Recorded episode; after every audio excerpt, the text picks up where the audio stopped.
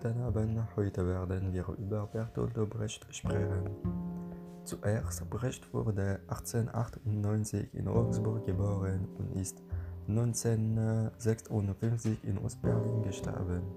Er war ein engagierter deutscher Schriftsteller, der so bekannt wie Goethe oder Schiller sein wollte. Er entwickelte in den 20er Jahren mit Erwin Piscator eine neue Theaterform, das epische Theater. Meiner Meinung nach müssen wir auch hinzufügen, dass in seinen Lehrstücken zeigt er die gesellschaftlichen Missstände. Er wollte die Zuschauer zum Nachdenken bringen dank der Distanzierung. Lieder, Kommentare der Schauspieler und des Verfremdungseffekts. Zudem sympathisierte Brecht sein ganzes Leben lang mit den Kommunisten und seine Theaterstücke waren antifaschistisch. Aufgrund der Aufstiegs Hitlers und seiner Diktatur war Brecht von 1833 bis 1848 in verschiedenen Ländern im Exil. Österreich, Schweiz, Schweden, Dänemark, Norwegen, Finnland, USA und anderen.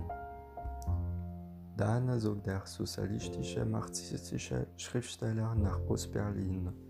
Mit seiner Frau gründete er das Berliner Ensemble und erhielt 1951 den DDR-Nationalpreis. Wir dürfen nicht vergessen, dass Brecht der künstlerische Leiter des Theaters war. Das Berliner Ensemble war ein wichtiger Ort für die DDR. In der Tat ermöglichten Brechts Stücke der DDR ihre sozialistische Ideologie zu verbreiten.